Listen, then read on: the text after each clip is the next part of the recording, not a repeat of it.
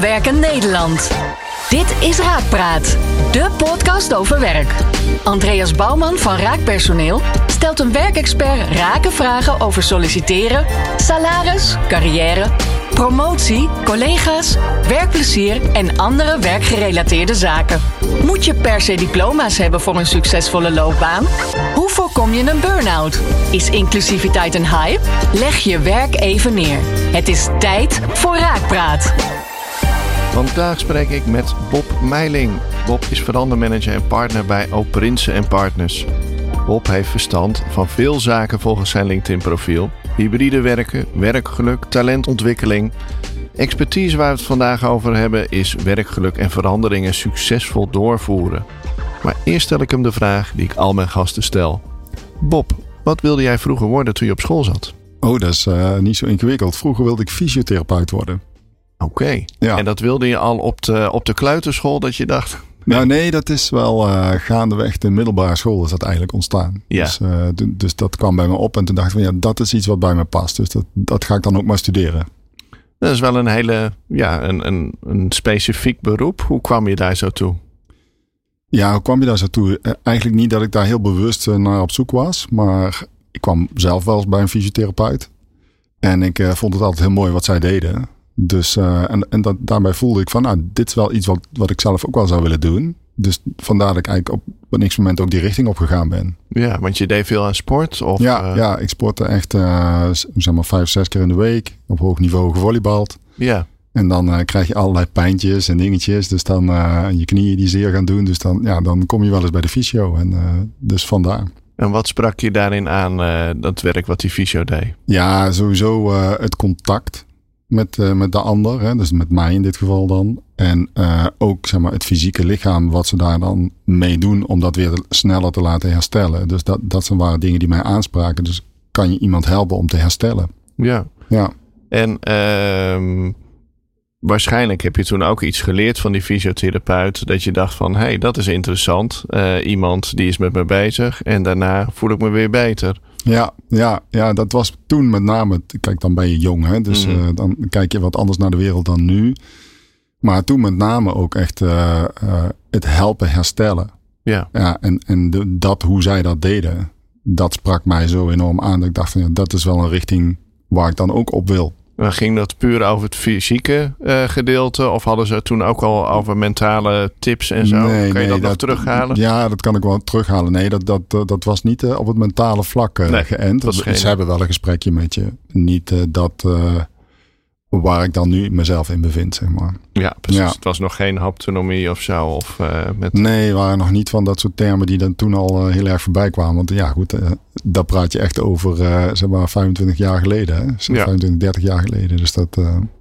Nou ja, Ted Troost, ik weet niet wanneer dat was. Uh, de haptonoom uh, van, uh, was dat niet ook al bij Marco van Basten en zo? Maar goed, misschien, ik ben niet Ja. zo heel goed in data. Maar, nee, ik ook niet. Nee, vind ik ook niet zo spannend. Nee. Hey, maar ben je dat uiteindelijk ook gaan studeren, die fysiotherapie? Ja, ik ben toen ik 18 was fysiotherapie gaan studeren. Ja, uiteindelijk uh, vond ik dat wat er allemaal om, omheen gebeurde veel leuker dan de studie zelf. Ja. Dus ik, ik heb hem uiteindelijk helaas niet afgemaakt. Dus ik heb wel heel veel plezier gehad in mijn studentenleven. Studeerde je in de buurt van Nijmegen? Ja, of? ja in Nijmegen zat, zat die opleiding destijds. Dus ik kon ook nog gewoon thuis blijven wonen. Dus ik had ook eigenlijk geen zorgen en nee. heel veel vrijheid. En um, ja, dan word je losgelaten. En dat is wel, als je kijkt naar het systeem, en dat is er eigenlijk nu nog. Als je dus van een uh, HAVO-VWO afkomt, ja. dan kom je op een HBO of een universiteit. Mhm. En dan word je losgelaten.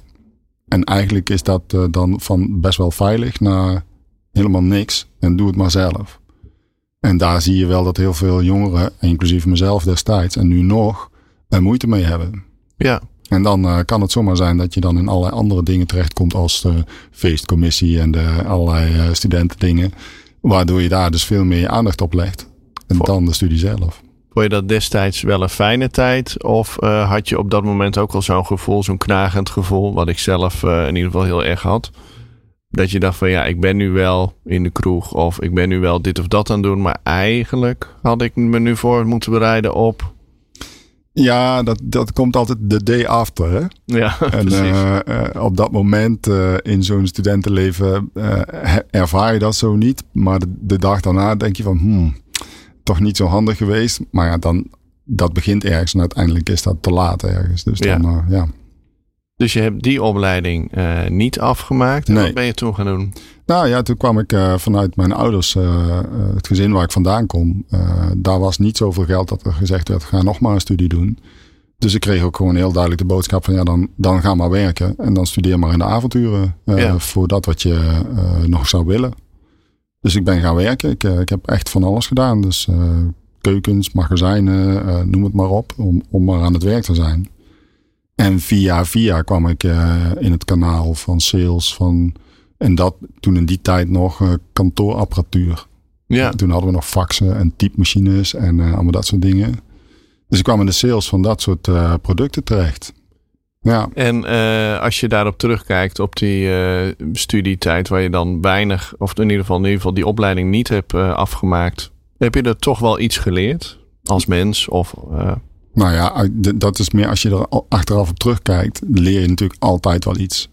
Wat ik er zelf uit meegenomen heb, is heel erg verbinding maken met anderen. Uiteindelijk, en dat is dan ook wat ik nu doe, een helper zijn.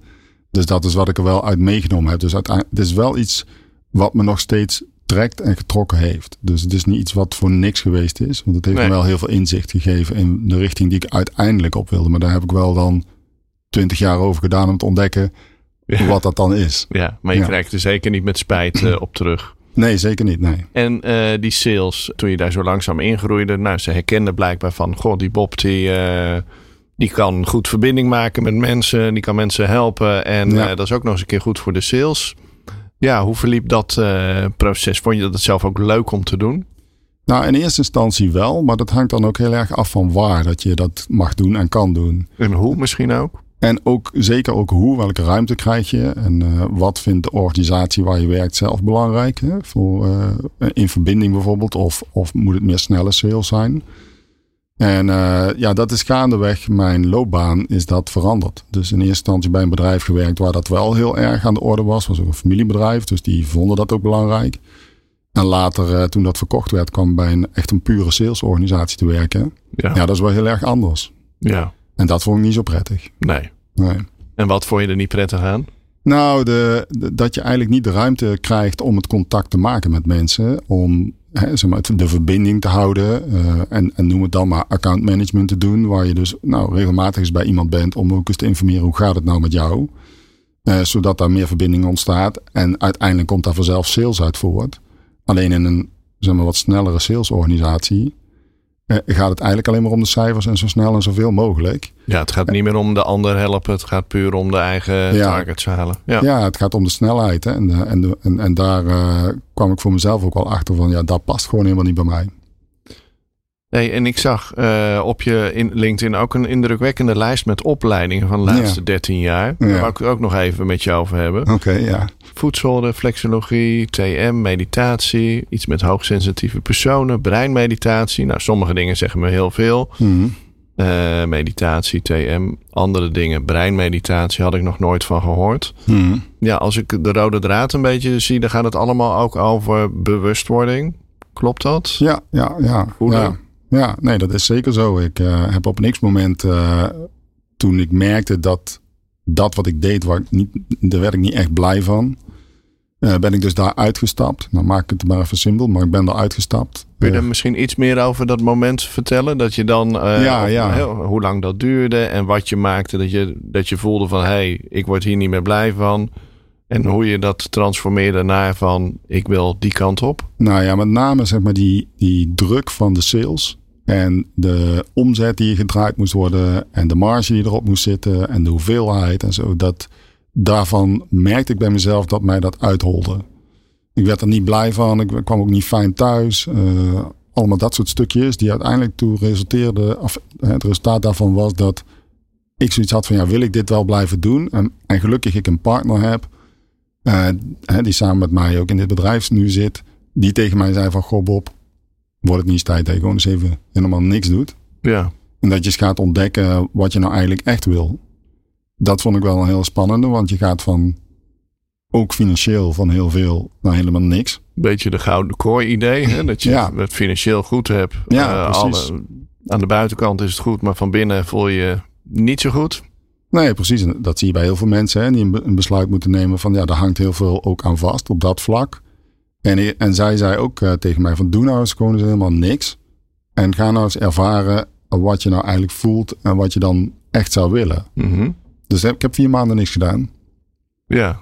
En eh, gelukkig was het zomer, dat is lekker weer. En wat bracht je dat? Vond je dat lastig om Ja. niks te doen? Ja, ja, ja, want je komt van, vanuit heel veel en je gaat dan naar niks. Ja. En, en dat is wel, als, dan, dan moet je heel je systeem moet daaraan wennen. Want dat is het niet gewend. Je staat erop, je gaat als een gek aan de gang. Dus je- gewoon genieten, dat lukte niet. dat, Of dat was, lummelen, of, ja, eh, dat heeft echt wel even geduurd voordat, je, voordat ik dat mezelf ook kon toestaan. Uiteindelijk lukte dat steeds beter. En, en dat is ook wel interessant, want toen kwam heel dat fysiotherapie eigenlijk weer een beetje terug. Ja. Zo van ja, daar ben ik ooit begonnen, is eigenlijk niet voor niks. Nee. En, en op dat moment had ik zoiets van: oké, dan dit is wel eigenlijk waar ik echt weer naartoe wil. Maar ga ik dan weer een opleiding fysiotherapie doen? Of ga ik eh, eerst eens ontdekken of dat nog bij mij past, dat fysieke stuk? Mhm. Dus nou ja, dan kom je dus in heel die opleidingslijst terecht. Ik ben eh, uiteindelijk naar een opleidingsinstituut gegaan eh, voor sportmasseur. Oké. Want het was een beetje die lijst begon. Ja. ja ik- Dat is ergens in eh, ik 13 denk jaar geleden, dus 2009. 2009. Ja, Ja, precies. Ja, ja, ja. Dus dat heb ik gedaan en vond dat zo fijn om te doen. Ja, Dus daar heb ik gelijk maar alle opleidingen gevolgd. precies. En toen kwam ik voor mezelf bij een voetreflextherapeute. ja, Eh, vind ik altijd zo mysterieus klinken. ja, klinkt heel mysterieus. Is, is het, dat is misschien ook wel zo. En da- daar moet eigenlijk nog heel veel onderzoek naar gedaan worden. Wil, je, wil, wil dat misschien nog wat meer eh, in het reguliere stuk terecht kunnen komen. Maar zij deed wel dingen met mij dat ik dacht van wow, dit is wel heel bijzonder. Dus dat wil ik ook leren. Dus dat ben ik ook gaan leren. En zo ben ik eigenlijk allerlei opleidingen gaan doen die mij mentaal en fysiek iets brachten.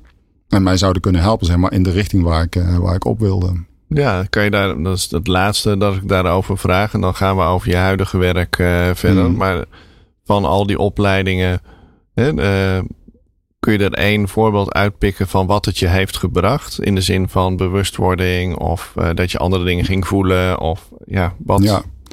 Nou, er zijn uit al die opleidingen, want eh daar zijn natuurlijk heel veel geweest, maar de centrale gedachte is voor mij wel dat je heel erg bewust wordt van jezelf, zeg maar. Dus wat er in jou speelt, wat jij voelt en hoe je dat kunt transformeren naar de actie die je daar dan uit laat voortkomen. En, eh, en dat is een proces, dat is niet iets wat je zomaar even doet, maar dat is wel zeg maar, de rode draad door al die opleidingen heen. Ja. Dat leren en daar ook eh, aan vasthouden en ook daarin blijven transformeren, zeg maar, dat is wel. Dat is ook een voortdurend proces. Dat is niet iets wat ooit stopt. Nee, nee, maar dat is iets, eh, dat is ook zo'n eh, utopie van mensen dat ze zeggen van nou, nou ga ik iets doen en dan ben ik klaar. Of Ja. dan is dat gereed. Nee, dan, Dan ben je verlicht en dan maak je nergens meer druk om. En dan ja, gaat nou verlicht geloof ik niet in. Nee. Dus dat is al een ding wat ik eh, niet Ja. zo heb, maar wel dat je eh, in een conti- continu proces eh, zit van ontwikkeling. Precies, het ontwikkelproces houdt nooit op. Nee, nee, precies. En één vraag die dan wel nog even bij mij oppopt is van... is dat nodig, die bewustwording van jezelf... en hoe je daarop reageert voor bijvoorbeeld een leidinggevende? Nou ja, Is dat een, een, een voorwaarde? Dat is eigenlijk mijn vraag. Ik vind van wel, wij vinden van wel. Eh, omdat als jij bewustwording hebt en dingen waarneemt, en hoe dat je dan doet, dat doet er dan even nog niet toe, maar dat je dingen waarneemt en bewust bent, dan kun je daar ook pas op anticiperen. Maar als jij ze dus niet waarneemt, of er niet bewust van bent, ja, dan gaat het aan je voorbij.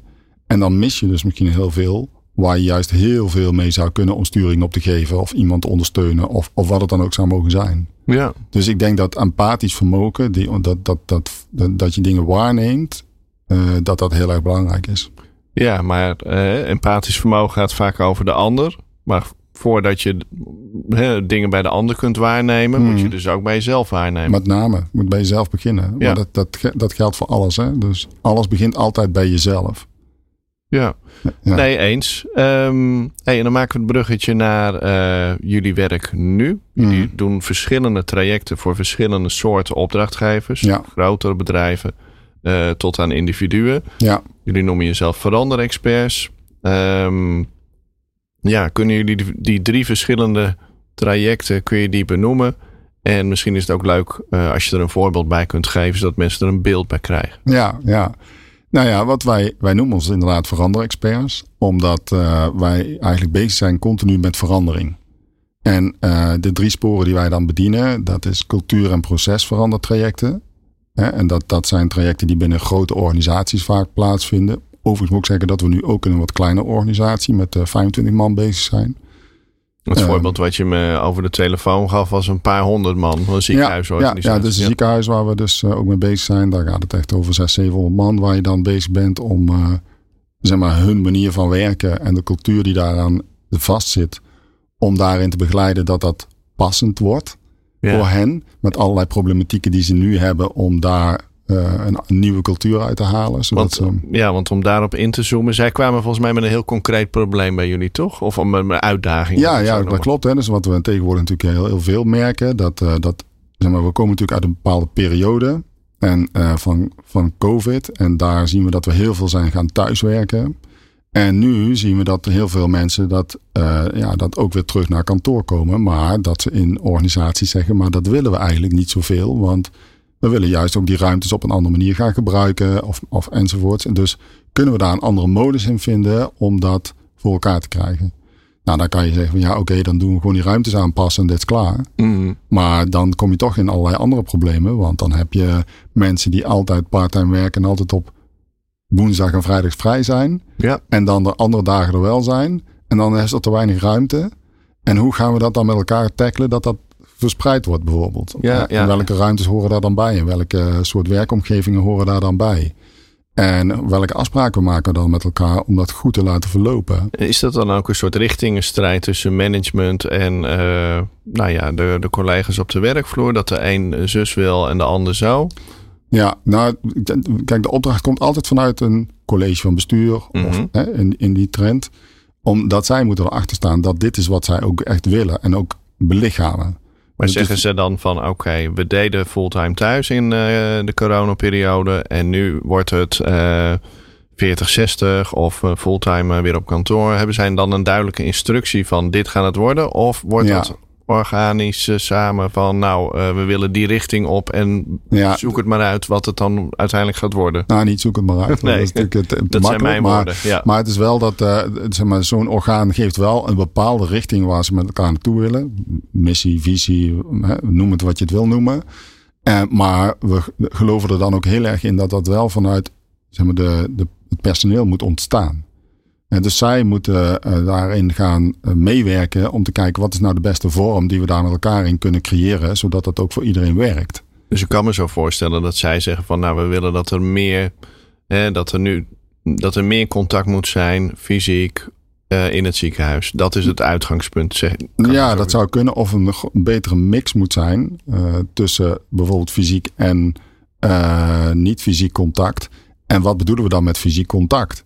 Bijvoorbeeld. En wat doen we dan als we dan bij elkaar zijn? Ja. He, dus uh, nou, een klein voorbeeld is, uh, kijk, als je administratieve werkzaamheden moet doen, wil niet zeggen dat je dat dan op een kantoor moet doen.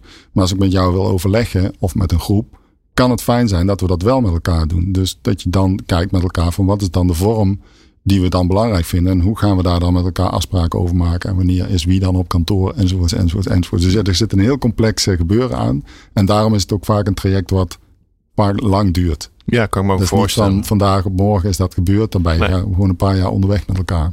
Nee, zeker omdat het over honderden mensen gaat. Uh, ja, die, ja. En die hebt te maken met afspraken die zij hebben. Met het gebouw dat gebruikt moet worden. Er komt ja. natuurlijk heel veel bij kijken. Ja, precies. Hè?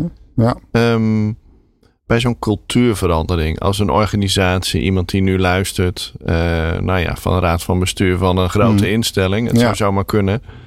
En die denken van ja, we hebben dat ook nodig. Uh, waar zouden ze dan moeten beginnen? Nou ja, ik denk altijd dat het verstandig is uh, dat je iemand extern invliegt die daar dan ook verstand van heeft. Om alleen al in eerste instantie het gesprek te voeren van dit is wat wij zouden willen. Hoe kijk jij daarnaar? En wat zou dan de richting kunnen zijn die we dus met elkaar zouden kunnen inzetten? Want wat is de valkuil als ze dat niet doen? Als ze gewoon zeggen van nou, uh, is leuk geweest dat thuiswerken. Ja. We, gaan weer, uh, we gaan weer gewoon op kantoor ja. werken. Ja. ja, dat kan op heel veel weerstand uh, stuiten dan. Hè? Dus van de mensen die bij je werken. Mhm. eh, en onbegrip. Eh, want eerst kon het allemaal wel en nu kan het allemaal niet. Eh, dus er kan heel veel gebeuren waardoor dat niet verstandig is. Eh, een klein voorbeeld is, we hebben dat meegemaakt bij een organisatie, die had een echt een grote verzekeraar, die dat ook deed. Ja, En die zei van nou, dan richten we gewoon het pand zo in en dan moet je zo gaan werken. ja.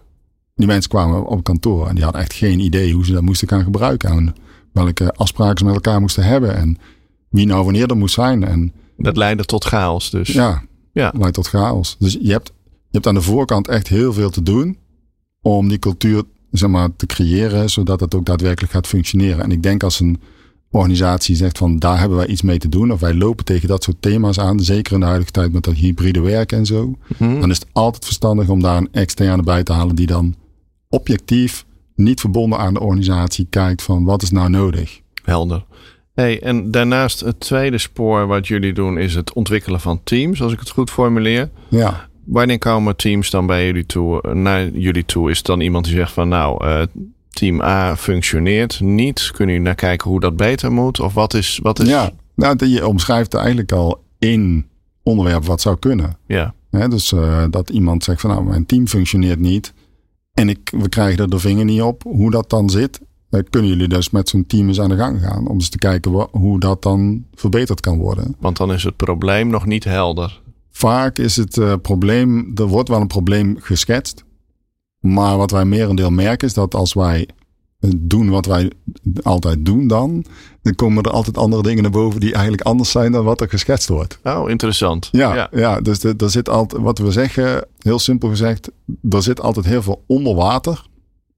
Wat eigenlijk boven water moet, moet komen. En welk probleem benoemen ze dan bijvoorbeeld dat er is? Wat het uiteindelijk dan dus niet blijkt te zijn als je dieper graaft? Nou, het kan zijn dat ze zeggen van, eh, ehm, we denken dat de leidinggevende niet goed functioneert. Ja, dat was ook het eerste wat ik aan moest denken trouwens. Volgens mij 9 van de 10 keer als iets in een team niet goed gaat, Ja, wordt er toch wel gewezen naar de leidinggevende. Ja, Ja. ik heb daar even geen oordeel over, maar dat is wel wat je vaak hoort. ja, nou dat hoor je dan. En wij vinden dat altijd heel erg boeiend. Is dat dan ook wel zo? Ja, En dus gaan wij gesprekken voeren met alle mensen. eh, en dat zijn vertrouwelijke gesprekken, waardoor mensen ook hun verhaal echt kunnen doen. En dat wordt niet in een teamsessie of zo dan benoemd. Van Pietje of Jantje heeft dit of dat gezegd. Maar daar, daar komen dan vaak dingen boven water. Die dan eh, misschien helemaal niet de oorzaak zijn dat zo'n teamleider dan niet zou functioneren. dus dat is het startpunt ook. Dat je gesprekken gaat Ja. hebben met medewerkers, één op één, Ja. vertrouwelijkheid. Ja, we willen eerst heel helder hebben van wat speelt er nou eigenlijk echt. Ja, En op basis daarvan kunnen we dan interventies doen. Dat kan zijn dat we dan eh, nou ja, een aantal teamdagen met elkaar hebben waar we geen leuke spelletjes doen, Mhm. maar juist de diepte zoeken om eh, het, de dialoog te kunnen voeren met elkaar. Over waar gaat het hier nou echt over? En wat zit nou echt dwars en wat steekt nou? Moet dat boven water dan komen en, en besproken worden? Ja. Die, eh, die issues die er Ja. dan onder water zitten? Ja, je moet je voorstellen, kijk, als je dingen onder water laat of onder het kleed schuift, hoe je het ook wil noemen, Ja. uiteindelijk wordt het een bult. Mhm. En dan ga je struikelen. En dat wil je niet. Dus, dus je wil juist die dingen op tafel hebben. En eh, tools gaan meegeven. Zodat ze dat soort dingen met elkaar eh, eh, gaan bespreken. Ook als wij er niet meer zijn. Nee, en is er een soort rode draad te ontdekken waarom teams dan... Hè, dus we hebben het eerst aangegeven, nou die leidinggevende is het niet altijd. Misschien soms wel. Hmm. Maar wat voor zaken moet ik dan aan denken die dan onder water zitten? Wat, wat kan dat dan zijn? Kun je Ah, concrete ja. voorbeelden geven? Nou, dat kan zijn dat bijvoorbeeld een bepaald proces niet goed loopt. Mhm. En eh, Marietje vindt van wel en Pietje vindt van niet. En die vindt van wel en die vindt van niet. En dan uiteindelijk hebben ze maar zoiets van, nou laten we het er maar niet meer over hebben. Dan, ik doe het op mijn manier en, eh, dat het fout gaat. Nou ja, is niet mijn verantwoordelijkheid. Ja, ja, dat ja, is, precies. eh, zij doen het niet Ja, goed. precies. Hè. Ik, Ja. eh, misschien een, een voorbeeld is, eh, er, was een, eh, op, er was op een school, eh, er was een docent, of ja, die is docent, en die kwam uit het bedrijfsleven. Dus die kijkt vanuit een hele andere eh, perspectief naar lesgeven dan iemand die gewoon vanuit een opleiding komt en dan gaat lesgeven. Ja. En die wilde veel meer dat soort dingen in, de, in zijn lessen en zo eh, integreren en in, binnen die school integreren. En die was er ook heel druk mee. Hartstikke goed. Maar de rest van de groep had dat niet. Nee. Maar, dan, en, maar kon er daar ook niks mee. En die eh, teamleider die kreeg daar ook niet echt vat op. Dus daar hebben wij op geïnterveneerd in een aantal sessies met elkaar. En dat is uiteindelijk een heel mooie groep geworden. Want dat is dan uitgesproken. En dan van, nou, dit is jullie perspectief. Dat Ja. is eh, het perspectief van die persoon uit het bedrijfsleven. Dat is jullie perspectief. Ja, Wat voor resultaat is daar dan uitgekomen? nou ja, het resultaat is dat ze met elkaar aan de slag zijn gegaan om te kijken van oké, hoe werkt dat dan in het bedrijfsleven? Wat wij als docenten waarschijnlijk niet zo goed weten. Mhm. En andersom. Ja, En dat bij elkaar zien te brengen. En dan daar van daaruit te kijken van wat voor afspraken maken we met elkaar. Hoe we dit nu naar de toekomst al met, met elkaar gaan doen. In plaats van als individuen los van elkaar. Ja. Waardoor we dus ook een team worden. En eh, ja, dat is heel mooi gegaan. Dus dat is heel homogeen geworden. En eh, omdat jij ook zoveel ervaring hebt met het verbeteren van, eh, van teams, had ik nog een vraag in dit, bij de voorbereiding van dit gesprek. En dat is van, is er een bepaald geheim van wat nou een goed functionerend team is? Eh, voldoet dat aan bepaalde voorwaarden? Is dat, hè, je hoort wel eens van, nou dat moet heel divers zijn, jong, oud, man, vrouw. eh, of, of juist niet, dat dat heel homogeen is van groep. Of is dat, die moeten mensen dezelfde waarden delen? Ja, ja wij, wij zijn er van mening dat je als team zijnde met elkaar, zoals je net zo mooi omschreef, dezelfde waarden gaat delen. Dat je daar met elkaar voor staat. Ja. En eh, of dat nou man, vrouw, oud, jong, eh, dat maakt ons niet zo heel veel uit. Wat je wel ziet is dat er wordt vaak ook wel gekeken naar welke kwaliteiten hebben mensen. Zodat je de juiste kwaliteiten bij elkaar zet. Op zich niks mis mee. Maar dan nog moet je wel met elkaar ook een set van waarden hebben waar langs je als team met elkaar opereert. En waar je eh, elkaar ook scherp in houdt. Dus die waarden zijn eigenlijk nog belangrijker dan bijvoorbeeld de karakters. Want hè, bij heel veel organisaties, bij ons ook, wordt Mhm. bijvoorbeeld met DISC gewerkt. Ja, ken ik. Zijn wij ook voor gecertificeerd. Dus in die zin. Maar DISC is, voor ons is DISC eh, en dat soort applicaties of dat soort tools. Mhm. eh, zijn meer tools om het gesprek op gang te brengen. Ja, Dus dat, nou, je moet nooit tegen iemand zeggen van je bent rood of je bent blauw. nee. Hè, dus- want dat is al verkeerd, want dan ga je iemand ook waarschijnlijk zo behandelen. Hè, maar dat iemand meer in die context zit, eh, betekent dat daar een bepaalde expertise op zit. En dat kan je benutten. Maar het is niet zo van, nou, in een ideaal team van account, accountants, boekhouders, nou, dan heb je allemaal blauwe mensen nodig. En er past niemand eh, in die. eh, Nee, dat is wel is. mooi, want dat- dat zijn vaak wel mensen die in die kleurenspectrum thuis zitten hè, of binnen zitten. Maar dat wil niet zeggen dat, je, dat dat is wat ze dan alleen maar zijn. nee. En dus als, als team zijn heb je ook te leren om met elkaar op een bepaalde manier te communiceren. En met, met elkaar de juiste waarden te hebben waar langs je elkaar dus dan scherp houdt. Dus er zit een mix in dat soort stukken. Ja, dus het speelt een rol, maar eh, de cultuur, het delen van de waarden, dat is nog belangrijker. Vinden wij wel, ja, uiteindelijk. Ja. Dat is wel ontzettend belangrijk. En als dat niet werkt, of als dat niet goed gaat, dan, dan heb je een probleem. En ik, ik zal er nog even bij zeggen, op het moment dat er iemand in of uit een team gaat, Ja. heb je dat eigenlijk opnieuw te zetten met elkaar. Omdat als er iemand uitgaat, krijg je namelijk een nieuwe teamenergie. Mhm. Als er iemand nieuws bij komt, is het hetzelfde verhaal. En dat moet je eigenlijk met elkaar weer opnieuw zeg maar, soort vaststellen. Zijn de, kloppen die waarden dan nog? Want als jij er nieuw bij komt, heb jij misschien wel een hele andere waarde dan dat we als team met elkaar hebben afgesproken. bij, als bij ons iemand hè, komt, dan hebben we een onboarding programma, zoals het in eh, Vrij Nederlands heet. Ja, Eh, mooi ja. en eh, alsof je een vliegtuig binnenstapt. Ik heb een hekel aan die term, maar goed, laat ik dat nou maar een keer gezegd hebben. Mhm. Maar goed, je hebt een onboarding, inwerktraject. En dan gaat het over, ook over waarden, van waar we voor staan. Eh, maar moet je dan dus als team nog iets anders doen? Stel, ik heb een marketingteam, er zitten zes mensen binnen. Nou, er is toevallig bij ons deze week iemand begonnen. Ja. Moet je dan ook daar iets mee met die waarden nog eh, op dat Ja. moment? Nou, kijk, jij, jij zegt al, we hebben al een set met waarden, hè, die wij met elkaar als bedrijf bijvoorbeeld belangrijk Ja, vinden. kernwaarden, Kernwaarden enzovoorts. Dus dat is mooi in dat proces wat jullie al doen, dat je mensen dat al meegeeft als ze nieuw binnenkomen. Ja. Maar dan, dan bij, dat zijn de waarden van het hele bedrijf. Klopt, Dan heb je nog een team. Je hebt verschillende teams in jullie organisatie. zeker. Waar, waarmee je dan kan zeggen van, goh, er komt iemand nieuws binnen. Het zou goed zijn om daar met elkaar het gesprek over te hebben. Van, dit is hoe wij met elkaar werken. Dit, deze dingen vinden we met elkaar van belang. Eh, heb jij daar zelf ook nog eh, input op? Kijken we daar dan met als de anderen ook weer op die manier naar of niet? Dus het herijken, laten we het zo noemen. Het Mhm. herijken is op zo'n moment wel belangrijk. Wat betekenen die waarden concreet voor jou? Wat vind je ervan? en- en welke afspraken Ja. hebben wij met elkaar? En klopt dat voor jou ook? Of heb je andere dingen die dan belangrijk zijn? Omdat je iemand die nieuws, nieuw erbin, erbij komt, moet je net zo serieus nemen. Ja, interessante tip. Ik denk dat dat uh, helemaal niet gedaan wordt. Ja, misschien doe ik het alleen niet. Uh, zou ook kunnen. nou ja, het is geen oordeel, maar het, is een, het is inderdaad een tip. Zeg maar ja. dat, dat, daarvan geef ik mee van, doe dat. Ja, en ik dat, kan me ook voorstellen ja. dat het uh, voordeel heeft. Ja. Ja. Um, ja, de derde pijler die jullie doen. Jullie doen volgens mij ook individuele verandertrajecten, als ik het goed heb. Ja, ja. ja alle drie de sporen eigenlijk uh, helpen en ondersteunen elkaar.